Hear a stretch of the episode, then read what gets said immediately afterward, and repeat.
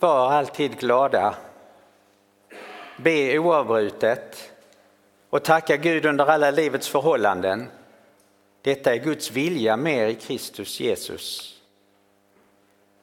Så kommer den apostoliska maningen till oss idag. Låt oss översätta det kanske riktigare med maning än med förmaning.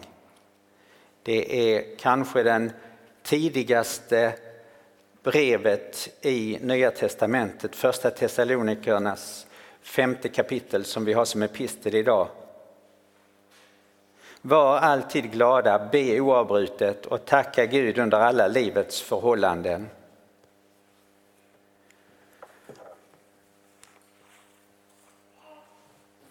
Detta menar aposteln är något normalt för en kristen. Ett normalt böneliv. Det finns tre ledord för det egna bönelivet. Och det är att ibland börjar man något av det man säger till Gud i hjärtats samtal men som också ska vara munnens samtal. För ju äldre man blir så märker man att det räcker inte att bara tänka saker inom sig för efter någon timme har man glömt vad man har tänkt. Men om man säger det med munnen så fastnar det bättre i ens minne också. Att man säger tack, att man säger hjälp, att man säger förlåt. Eller i någon annan ordning. Men att de tre orden gör det till att man verkligen säger någonting till Gud. Det finns ett tack att säga. Egentligen hur tufft man än har det, hur eländigt man än kan ha det, hur ont man än kan ha det, hur ynkligt och ömkligt och hur mycket man än tycker synd om sig själv och tycker att det är ju, livet har blivit alldeles ruttet så, så finns det ett tack för någonting och använder man tacket så ändrar det perspektivet. Och det är bättre för humöret också. Ehm, vi har varit med om en sommar som åtminstone för ehm, växtligheten har varit väldigt, väldigt god och gynnsam. På kemiskt språk eller biokemiskt språk så kallar man det för eh, en massa kolväten. En massa kol och en massa väte har förenat sig till eh, grönsaker och gräs och bär och frukter och säd och allt, allt möjligt, många sorters spannmål. Och eh, träden har fått sin vedmassa förökad. Och det som har förökat sig i vedmassan kanske vi inte använder nu utan om två vintrar eller tre vintrar när det har torkat och den solvärmen strålar emot oss från brasan igen, det som är denna sommarens solvärme. Eh, kolväten kan man också kalla för kolhydrater och ni har säkert varit med på gudstjänster där man denna söndag har fullt av kolhydrater liggande kring altaret och på olika ställen i, i kyrkan. För eh, detta är en söndag då vi tackar för kolhydraterna. Ehm, man kan likna Guds väldiga gåvor, gåvor ovanifrån, som en vattenkran som aldrig är avstängd. Och då tänker jag inte bara på vatten som rinner utan allt livgivande kommer ovanifrån, från himlaljusens fader och det är fullkomliga gåvor. Och de bara öses ner över även den som tycker att, att han har väldigt mycket brist på gemenskap, brist på eh, mänskligt umgänge, brist på tröst. Så bara öser ju kranen vatten hela tiden. Och så finns ordet hjälp också. Det, det går att ropa hjälp Och antingen får man det man ber om hjälp med eller så får man något ännu bättre för kranen fortsätter ju att rinna. Och även om man inte skulle få just det botandet från just den sjukdomen så får man hjälp i alla fall. Och det är sånt vi hör om i dagens evangelium. Det är så lätt att tycka att Gud är snål men kanske har man inte rätt när man tänker så. Vi ska sjunga en svår psalm, en vacker psalm som efter predikan 261 där man säger väldigt mycket tack. Tack min Gud för vad som varit. Och den som har skrivit den tackar för väldigt mycket. Väldigt mycket som har hänt i livet. Tackar även för sånt som man tycker men det kan man inte tacka för. Törnen man har stuckit sig på och motgångar och hopp som har slagit fel. Det vill jag inte tacka för.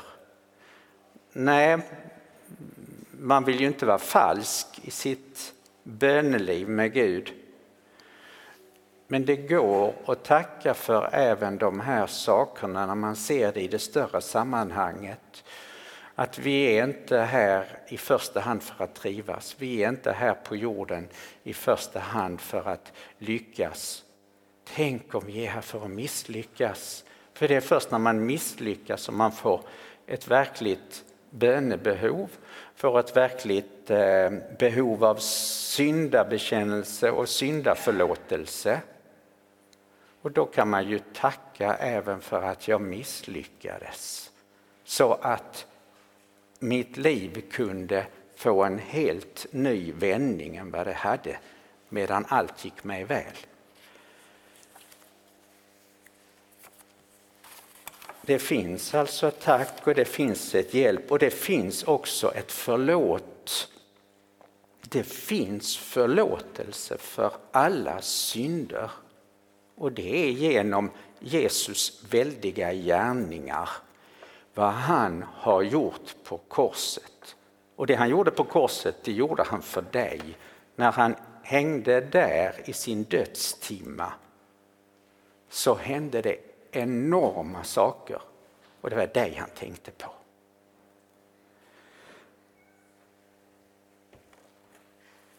Nu kan ju var och en en stund tänka efter i vilken ordning brukar du använda tack och hjälp och förlåt i din enskilda andakt. Jag kan ju ha mina åsikter om vilket som är en bra ordning men det berättar jag inte för dig utan eh, nu får du själv tänka efter. Hur har du det med din ordning på tack och hjälp och förlåt? Eller tanke tack, förlåt, hjälp eller hjälp, förlåt, tack. Vi låter det vara tyst ett tag och låt oss sen be och bekänna.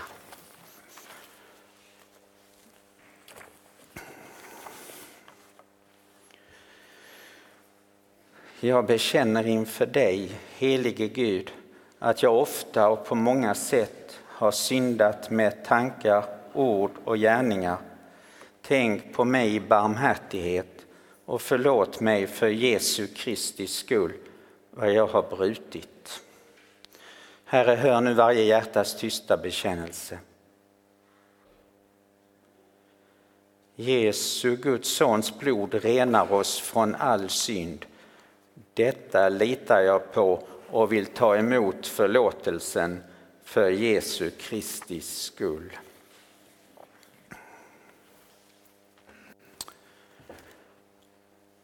Till dig som ber om dina synders förlåtelse säger jag på Jesu Kristi uppdrag. Dina synder är dig förlåtna i Faderns och Sonens och den helige Andes namn. Amen. Käre Fader i himmelen, vi tackar dig för syndernas förlåtelse genom Jesus Kristus, vår Herre. Amen. Lyft upp era hjärtan till Gud Hör dagens heliga evangelium. Så berättar Lukas. På sin färd till Jerusalem tog Jesus vägen genom Samarien och Galileen. När han var på väg in i en by kom tio spetälska män emot honom. De stannade på avstånd och ropade Jesus, mästare, förbarma dig över oss. Då han fick se dem sa han, gå och visa er för prästerna. Och medan de var på väg dit blev de rena. Och när en av dem såg att han hade blivit botad vände han tillbaka och prisade Gud med hög röst och föll ner för Jesu fötter och tackade honom. Och han var samarit. Jesus frågade honom, blev inte alla tio rena? Var är de nio? Har verkligen ingen vänt tillbaka för att prisa Gud utom den här främlingen? Och han sa till honom, stig upp och gå, din tro har frälst dig.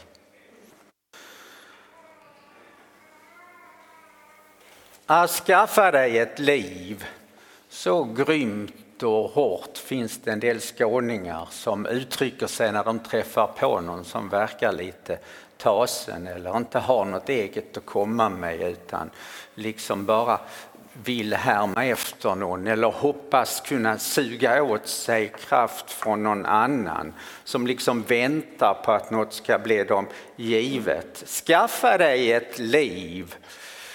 Eh, I Göteborg är de mycket vänligare så där är det ju inte någonting man behöver riskera att höra här. Predikan ska handla om sådant som är normalt för en kristen. För en som inte vill skaffa sig någonting utan väntar på Guds goda gåvor som kommer ovanifrån. Och då är det några normala goda gåvor som det ska handla om. Det är egentligen det det handlar om i den gammaltestamentliga läsningen också när David under flera år har uppmuntrat sitt folk att samla ihop allt material och guld och silver och textilier och färgämnen för det som behövs för att bygga ett tempel. Det var ingenting som David skulle få lov att göra, bygga templet, för han hade blod på sina händer. Men det var ju detta han brann för. Han brann för gudstjänstlivet och för att det skulle vara fylligt, färgstarkt, berikande och givande. Så det han kunde göra var att ordna med så att allting fanns färdigt när hans son Salomo sen skulle få ta itu med att få folket att bygga templet. Det som skulle ersätta den där tältkyrkan, tabernaklet som nu hade varit igång så länge. Men nu behövdes det ju ett tempel med allt vad det innebär och det, det känner ni ju till. Han tackar och lovar Gud för storhet och makt och härlighet och glans och majestät. Rikedom och ära. Kraft och makt. Detta läste judarna, särskilt i senjudendomen på Jesus tid, som att detta var himlaskatter. De tio sefirot, de tio himlaskatterna. Ja, sefirot, det är ordet som ligger bakom siffra förresten. Tio siffror, tio väldiga gåvor i det andliga och i det materiella som kommer ovanifrån, från himlaljusens fader. Fullkomliga gåvor och skänker. Och det var detta David såg när han såg allt det som var ihopsamlade, alla dessa frivilliga gåvor. Han såg, det är Guds verk i detta.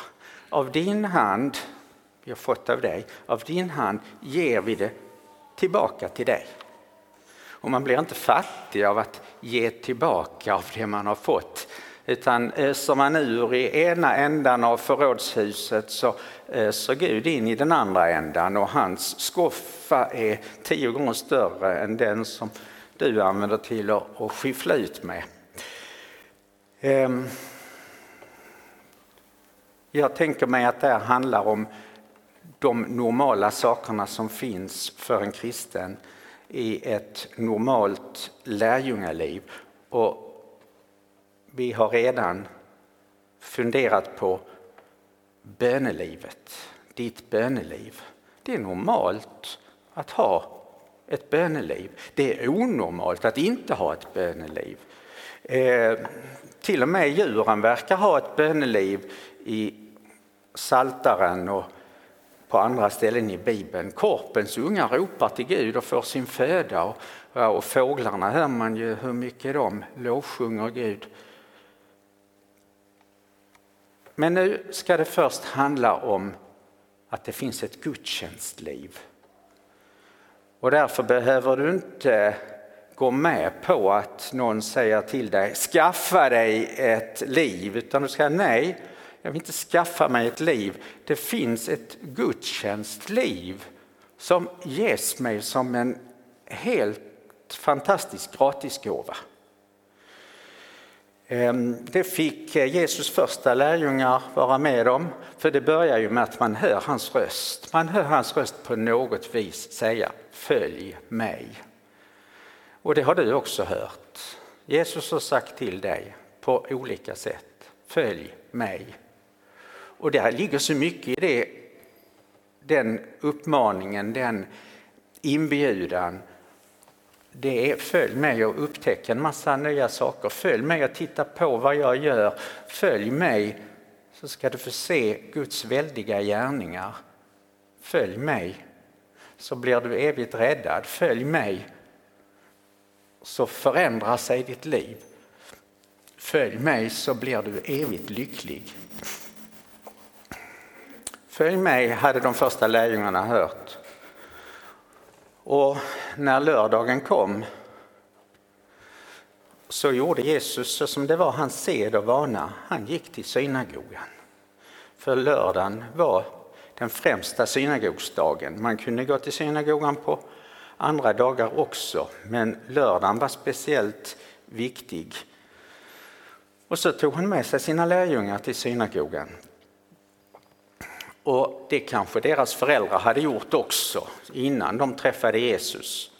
Och de hade lärt känna den fasta ordningen i synagogan, med hur det gick till där med synagogsföreståndaren som hade tagit fram ur skåpet den rätta bokrullen för dagen och rullat upp och där han hade en liten pekpinne som såg ut som en hand där han pekade på raderna och så var det någon som fick komma, någon som var läskunnig och sångkunnig för han skulle sjunga upp texterna på en mycket speciell melodi. Och så sjöngs då texterna och det var inte sådana snuttifierade, snuttifierade texter som de vi har utan det var mycket längre bibelläsningar. Och det var en bestämd ordning för synagogans gudstjänst och det var den som de kristna tog över sen. Och det är det som vi följer därför att vi har en bestämd gudstjänstordning. Vi har ju inte en, ett uppträde, en underhållningsstund här där det liksom inte finns bestämda moment utan här är det bestämda moment som vi följer för det är en kontinuitet, en kedja tillbaka. Förr i söndagsskolan så sjöng man ur kyrkvisor för barn, en liten röd bok. Några av er kanske gjort det. Och jag tror det var Britt G Hallqvist som hade diktat. Det finns en plats i en stor trygg famn som är bara, bara min. Den dagen jag döpte skrev änglar mitt namn i himmelen in. Och så kommer den andra versen. Det finns en plats i en kyrkobänk som är bara, bara min. Där är jag i lärjungaskaran en länk. Glad går jag dit in. När du nu sitter i bänken så är du en länk i en kedja där någon annan har varit före dig här eller i någon annan kyrkobänk. Och så tillbaka, tillbaka, tillbaka, tillbaka till de allra första lärjungarna som hörde Jesus säga följ mig. Och den här ordningen den har ju sen i den kristna kyrkan eh, vad ska vi säga, berikats, förskönas med annan musik än den sången som sjöngs i synagogan. Och så har vi fått Kyrie, Gloria, Laudamus, Sanctus, Benedictus, Agnus Dei och Benedicamus, de latinska namnen på de bärande momenten i högmässan. Herre förbarma dig, ära vare Gud. Lovsången, helig, det är det som är Sanctus. Benedictus, välsignelsen. Agnus Dei, Guds lam som tar bort världens synder. Och Benedicamus, låt oss tacka och lova. Och några av de här momenten har ju blivit väldig klassisk musik som de stora kompositörerna har komponerat stora verk som verkar fortsätta att uppföras och spelas och användas. En rikedom från ovan, inspirerad av, av Gud. Eh, det finns ett gudstjänstliv. Så när det kommer någon och säger skaffa dig ett eget liv så säger jag nej, jag vill inte ha ett eget liv. Och inte på söndagen, då vill jag inte ha något eget liv. För det är de kristnas gudstjänstdag. Då vill jag ta emot det som gives ovanifrån. Detta är ett, en normal livsstil, detta är en normal livsform. Det är ett onormalt sätt att genomleva en söndag om man inte bryr sig om gudstjänst. Och så får någon sitta här och kanske i sitt inre säga tack att jag får vara här. Ehm, en annan sån här gåva är att ha ett bibelliv. Det är normalt för en kristen att ha ett bibelliv. Det fick de första lärjungarna märka när de började gå med Jesus. Han eh, hade memoreringsträning med dem. Memoreringsträning hade de säkert haft tidigare också. För eh, när de skulle gå igenom sin eh, bar mitzva, sin konfirmation och bli eh, lärans son. Det som senare i judendomen blev bat mitzva också, lärans dotter. Då ingick att man först hade lärt sig alla de 150 saltarsalmerna utan till. Och sen gick den första memoreringsövningen på att lära sig tredje Moseboken utan till. Och det kan ju tyckas som det tråkigaste som finns att behöva lära sig utan till. För det är en massa detaljerade eh, föreskrifter om de olika sorternas offer och det finns ju väldigt många. Och hur de ska gå till och, och precis när och allting omkring det. Och så memorera det. Mm. Men då får man i alla fall tanken att offer är nog någonting väldigt viktigt. Offer är nödvändigt. Sen blev det ju en memoreringsövning att eh, de levde ju i Saltarens psalmer. De sjöng ju dem antagligen växelvis tillsammans, Jesus och lärjungarna. Antagligen medan de gick också från eh, stad till stad. Eh, som våra tideböner, som våra växelläsningar av Saltarens psalmer. Och de sjöng det på en för oss kanske ganska entonig melodi men som, som hörde till. Ett bibelliv är det normalt att ha. Engelsktalande bibelläsare har upptäckt ett sätt att eh, skriva Bible. Bibel kan man skriva uppifrån och ner och så kan varje bokstav stå för något viktigt. Och då säger de det ska stå för basic instruction before leaving earth. Basinstruktion innan man lämnar jorden. Lite tänkvärt, men jag skulle vilja ändra det. För detta är inte bara instruktion och inte bara information. De som tänker så, jag har träffat dem, de har läst genom hela Bibeln Och så tänker de, ja nu har jag tagit del av informationen och sen använder de inte Bibeln mer. De tror att det här var en info och den har jag, den har jag tagit in nu. Nej, jag vill ha det till basic instrument before leaving earth. Basinstrumentet.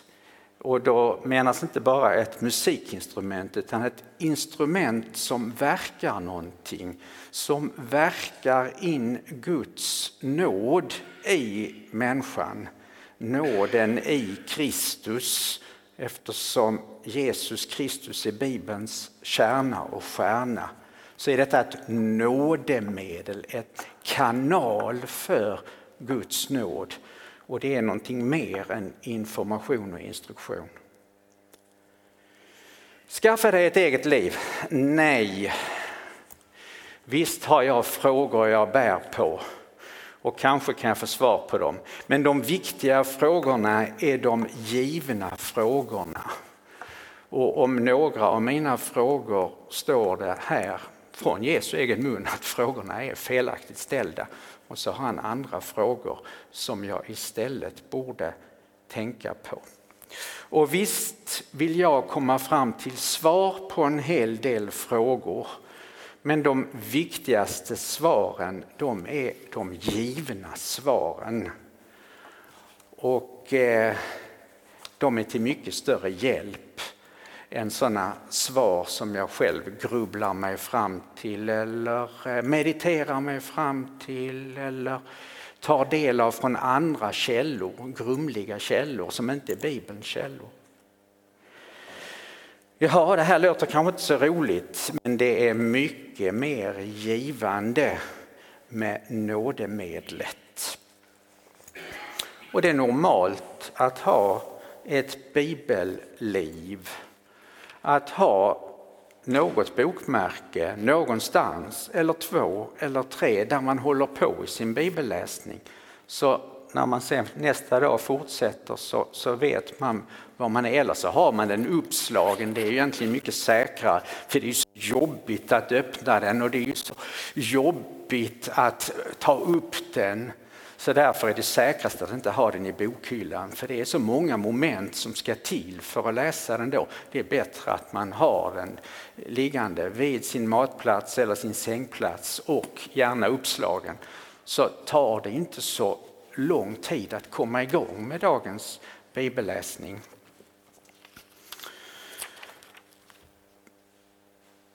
Och då, när man sitter där vid sin bibel så kan det hända att någonstans inifrån dyker upp ett tack.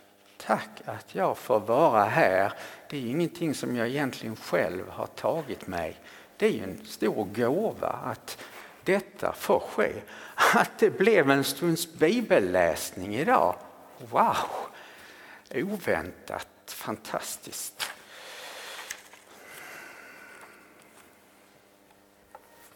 Det är normalt med ett sakramentalt liv. Ett sakramentalt liv. Det är onormalt om man är en kristen utan ett sakramentalt liv. Sakrament betyder helig handling och det betyder Guds heliga handlingar, inte mina heliga handlingar. Jesu första lärjungar de var omskurna. På åttonde dagen hade de fått vara med om omskärelsen. Det kom de inte ihåg, men de visste ju, de märkte det på sin egen kropp. Jag är omskuren. Det var ett förbundstecken. Jag blev insatt i det stora förbundet, förbundet med Gud. För Bibelns Gud kan man inte ha att göra med annat än genom förbund. Det är i förbundet det finns nåd. Utanför förbundet finns ingen nåd. Detta var förbundstecknet. Och de visste ju att detta hade Gud givit åt Abraham och hans efterkommande långt innan buden kom. Sånt som talar om vad du ska göra. Utan det här var ju Guds heliga handling. Och så har, tror jag, de flesta här inne fått vara med om ett förbundstecken som är ännu större och rikare än omskärelsen, nämligen att du har blivit vattenstämplad med Jesu död och uppståndelse. Det är den kristna kyrkans fortsättning på detta med omskärelsen. Och därför så stod det i den gamla kyrkolagen att dopet skulle ske senast på åttonde dagen eftersom det var den åttonde dagen som omskärelsen skulle vara. Att bli vattenstämplad med Jesu död och uppståndelse betyder att allt det väldiga som Jesus gjorde i sin lidande lydnad för Fadern och i sin görande lydnad för Fadern, hela hans liv och gärning och allt han gjorde i sin dödstimma och allt han gjorde i sin ärorika uppståndelse, i den väldiga triumfen som segrade över alla destruktiva makter, över alla dina fiender, djävul och värld och synd och allt eländet. Allt denna Jesu gärning den vattenstämplas på dig och blir din i ditt dop. Och därför är det normalt att be fördjupa mig i dopets väldiga nåd. Det är ett sätt att leva ett sakramentalt liv, att tacka för sitt dop och leva i sitt dop. Det, fanns, det, finns en plats i en stor trygg famn som är bara, bara min. Den dagen jag döptes skrev änglar mitt namn i himmelen in. Och Jesus säger, gläd er inte över att andarna är underdåniga utan gläd er över att era namn är skrivna i himmelen. Man lever också ett sakramentalt liv genom förbundsmåltiden. Förbundet i Gamla testamentet, det som är det enda sättet att umgås med Gud, det befästes och bekräftas med en måltid. Och det är ju det som vi känner till om påskalamsmåltiden, den som Jesus längtade efter att få äta med sina lärjungar. Och det fick ju de första lärjungarna vara med om att Jesus tyckte det var noga. Och så tog han med dem, så till att de gjorde i ordning denna förbundsmåltiden på det rätta sättet. Och så överraskade han dem med att fördjupa den och visa på vad som var gömt i denna förbundsmåltid på ett väldigt rikt sätt. När han tog brödet och sa detta är min kropp som blir utgiven för er. Och så tog han den sista kalken, för det var flera bägare med vin som skulle drickas, så tog han den sista frälsningens bägare och så sa han detta är det nya förbundet, det nya förbundet i mitt blod. Som är utgjutet för många till syndernas förlåtelse. Detta fanns ju inte med i synagogans gudstjänst utan detta var ju i hemmets eller släktens, storfamiljens gemenskap. Därför är det någonting nytt som kommer i den kristna gudstjänsten med mässan, med Herrens heliga nattvard. En gudstjänst utan Herrens heliga nattvard, den är ju egentligen inget annat än, ja, det är ju stort sett som det gamla förbundets gudstjänst. Det är ju samma moment. Det som gör den kristna gudstjänsten speciell det är ju att vi firar Herrens heliga nattvard i gudstjänsten. Och livet för en lärjunge blir annorlunda om man vet att man hela tiden är på väg från ett nattvardsfirande till ett annat nattvardsfirande. Mycket klarnar över vad jag ska göra och inte göra, vad jag ska tänka och inte tänka, vad som är bra att säga och inte säga hela veckan eller om det nu går två eller tre veckor emellan så får man hjälp av att man har varit vid ett nattvardsbord och är på väg dit igen. Det är en hjälp för samvetet. Jesus ger sig kroppsligen helt åt dig. Och det är ju viktigare än detta att du ger dig åt Jesus. För det är mycket möjligt att du har försökt ge ditt liv åt Jesus och du vet hur halvdant det blir och hur man redan dagen efteråt upptäckte att jag ville ju ge mitt liv åt Jesus men, men jag misslyckas ju hela tiden. Men Jesus misslyckas inte. Jesus ger sig kroppsligen helt åt dig och det lyckas han med. Barnsången igen. Det finns en plats vid ett nattvardsbord som är bara, bara min.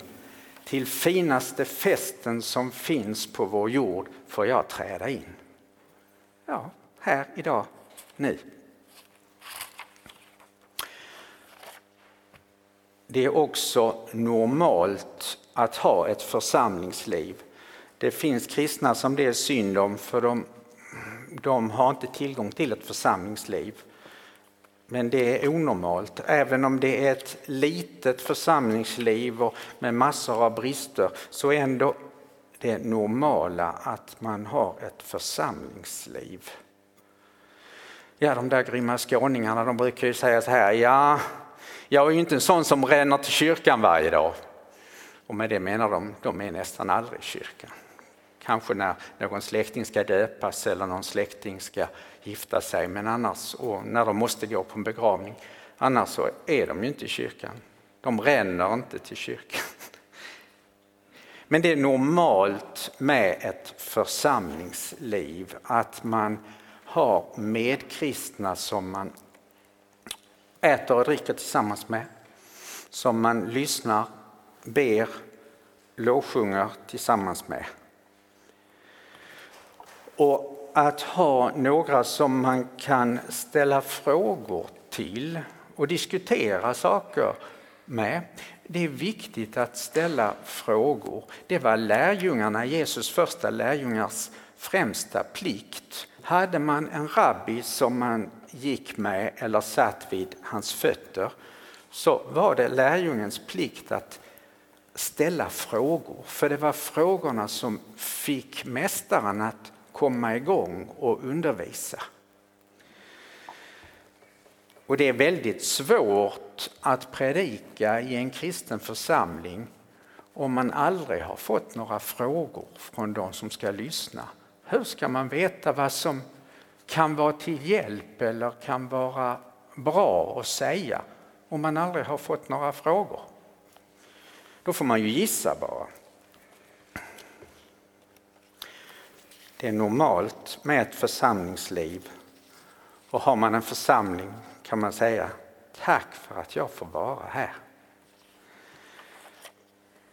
Det är också normalt med ett andaktsliv. Det märkte de första lärjungarna. Andakt, egentligen inget svenskt ord utan det är ett tyskt lånord som kommer från antdenken.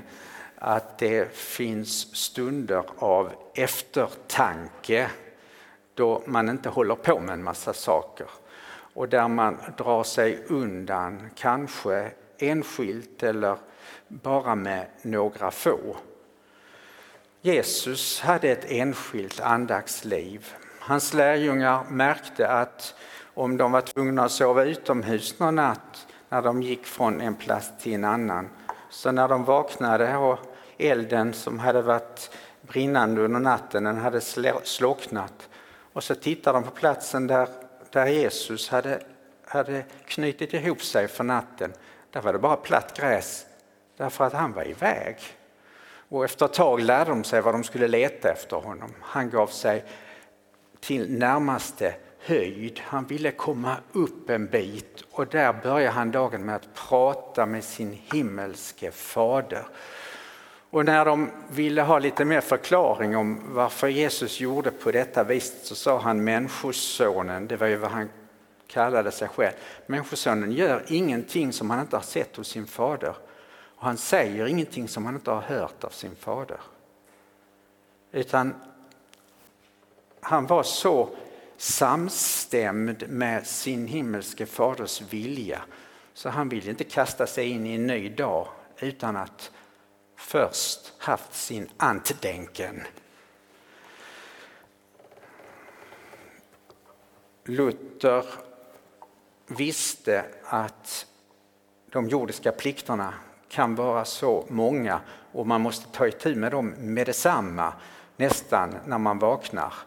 Så hans råd är ju att när du börjar dagen så res dig, res dig upp, teckna dig med korsets tecken och så läs buden fort. Det är också synagogans ordning att man eh, i varje gudstjänst eh, går igenom, du ska inga andra gudar ha före mig, du ska inte missbruka Herren i Guds namn. Och sen, sa Luther, så läser jag tron. Och med det menade han trosbekännelsen med de tre artiklarna. Och sen ber jag ett Fader vår. Och sen går jag iväg till dagens plikter frimodigt och glatt. Det var också en snabb antdenken. Ja, detta är normalt för en kristen med ett andaktsliv. Och då kan man bli överraskad när man ser till att inte kasta sig iväg på dagen utan att man har gjort det. Och då kan du ju säga tack för att jag får vara här i köksbordet nu innan alltihopa drar igång.